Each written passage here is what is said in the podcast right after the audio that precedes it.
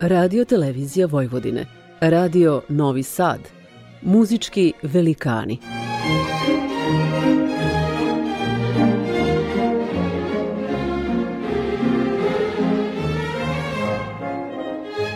Urednik i voditelj Bogdan Đorđević.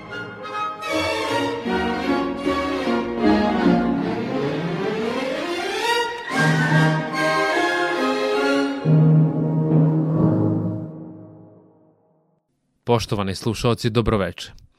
U emisiji posvećenoj orkestarskoj muzici slušat ćete izbor stavova iz simfonija Petra Čajkovskog. Na samom početku za vas smo odabrali treći stav Scherzo Allegro iz simfonije broj 1 u G-molu opus 13, nastale tokom 1866. Prvu od ukupno šest napisanih simfonija Čajkovski je komponovao nakon što je prihvatio mesto profesora na novoosnovanom konzervatorijumu u Moskvi. U svom opusu je do tada imao nekoliko napisanih kraćih orkestarskih dela, ali od kojih je vrlo mali broj bio javno izveden. Kao 20-godišnjak, kada je gotovo frenetično radio i danju i noću, imao je ogromnu želju da napiše i svoju prvu simfoniju. Nakon izuzetnog opterećenja, i mentalnog i fizičkog, kao i patnje zbog nesanice, Čajkovski je postao anksiozan i neurotičan – Kompozitorov brat Modest tvrdio je da ga je ovo delo koštalo više truda i patnje nego bilo koje drugo. Naime, Petar Iljić je na dovršenu partituru predstavio nekolicini svojih profesora sa konzervatorijama u Sankt Peterburgu i nadao se da će od njih dobiti preporuke za premijerno izvođenje. Suprotno očekivanjima, kompozitor je pretrpeo ozbiljne kritike, mahom neopravdane. Ipak uz brojne prepravke i dopune koje su usledile tokom narednih godina, Čajkovski je uspeo da završi svoje prvo simfonijsko delo i programski ga je nazvao Zimski snovi.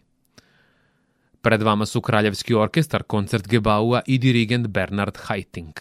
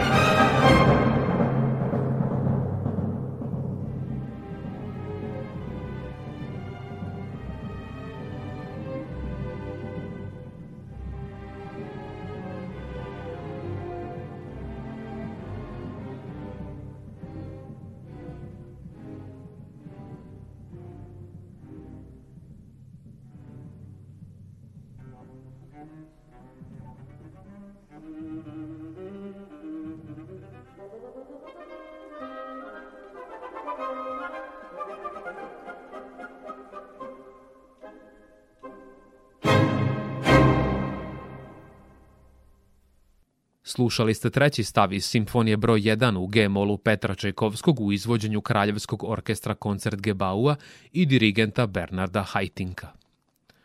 Graciozni valceri i zimska sanjarenja odaju mogući uticaj Mendelsonovih orkestarskih kompozicija na ulogu autora, koji nam u simfonijskoj formi izražava lično iskustvo, proisteklo iz emocija, u dočaravanju bajkovitih i romantičnih pejzaža. Prelazimo sada na sledeće delo u emisiji Muzički velikani na prvom programu Radio Novog Sada.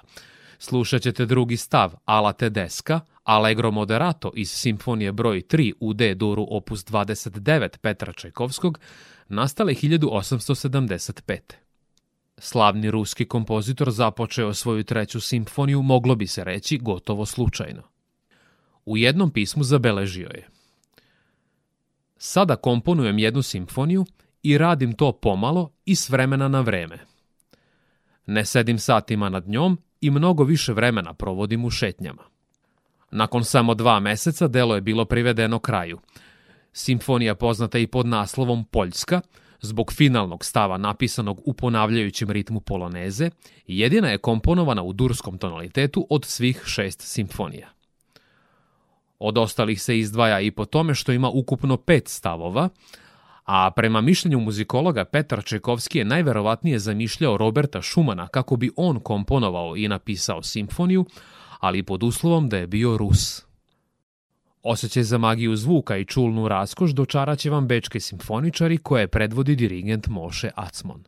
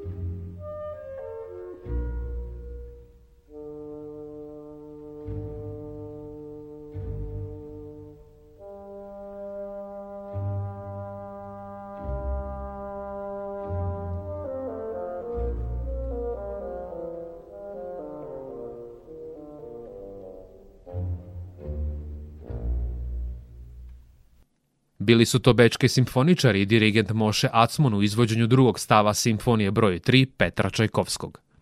Nakon što je ovo delo bilo premijerno izvedeno u Moskvi pod dirigentskom palicom Nikolaja Rubinštajna, kritičari su smatrali da je širok spektar materijala na slušaoce ostavio utisak tajanstvenosti i neobičnosti po pitanju žanra kojem pripada. Ova maštovita manipulacija muzičkim formama okarakterisana je kao pregnuće neortodoksne strukture. Vi ste na talasima prvog programa radija Radio Televizije Vojvodine. U nastavku emisije Muzički velikani slušat ćete prvi stav Andante sostenuto, moderato con anima, moderato assai quasi andante, allegro vivo iz simfonije broj 4 u F-molu opus 36 Petra Čajkovskog, nastale između 1877. i 1878. Kroz ovu simfoniju autor je izrazio svoj odnos prema fatalnosti sudbine, koja uvek sprečava da težnja za srećom dođe do svoga konačnog cilja. Ona ljubomorno nadzire i neprekidno nam preti kao damaklov mač kako blaženstvo i mir ne bi preovladavali među ljudima.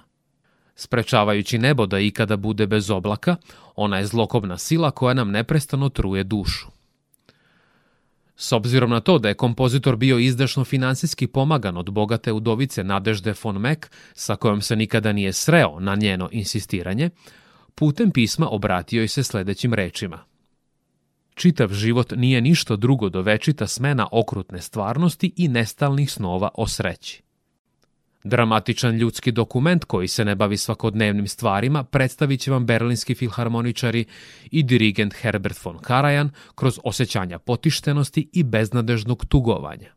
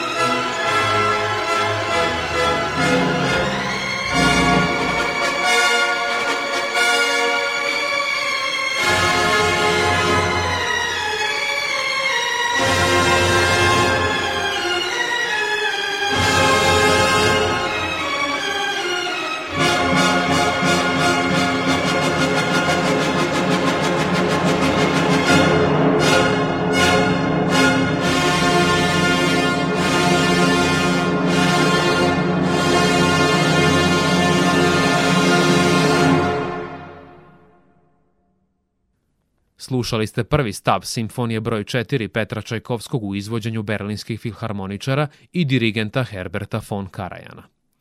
Na britanskoj premijeri dirigovao je kompozitor lično kao dobitnik počasnog doktorata Univerziteta u Cambridgeu zajedno sa Camijem Sensansom, Maxom Bruhom i Edwardom Grigom. Sala je bila ispunjena do poslednjeg mesta, a publika je posle svakog stava oduševljeno aplaudirala. U poslednjem segmentu emisije Muzički velikani na prvom programu Radio Novog Sada slušat ćete prvi stav Andante Allegro con anima, simfonije broj 5 u E-molu opus 64 Petra Čajkovskog, premijerno izvedene 1888. Jedno od izvođenja ove simfonije koje će svakako ostati upamćeno dogodilo se za vreme opsade Lenjingrada u toku drugog svetskog rata. U noći 20. oktobra 1941. Lenjingradski simfonijski orkestar izvodio je ovo delo koje je zahvaljujući radio talasima pratio veliki broj građana Sovjetskog saveza. Gradski partijski čelnici izdali su naredbu muzičarima iz orkestra da uprkos bombardovanju nastave sa izvođenjem kako bi se održao moral gotovo 3 miliona ljudi koji su ostali u gradu. Na početku drugog stava počele su da padaju granate, Međutim, ovo nije omelo članove orkestra da sviraju do samog kraja ove opsežne kompozicije. U prvom stavu karakter posmrtnog marša postepeno se transformiše u triumfalni marš, što nas neodoljivo podsjeća na Beethovenovu petu simfoniju. Poštovani slušaoci, približavamo se samom kraju emisije – Moje ime je Bogdan Đorđević i do našeg sledećeg susreta utorkom posle vesti u 21 čas na talasima prvog programa radija Radio Televizije Vojvodine.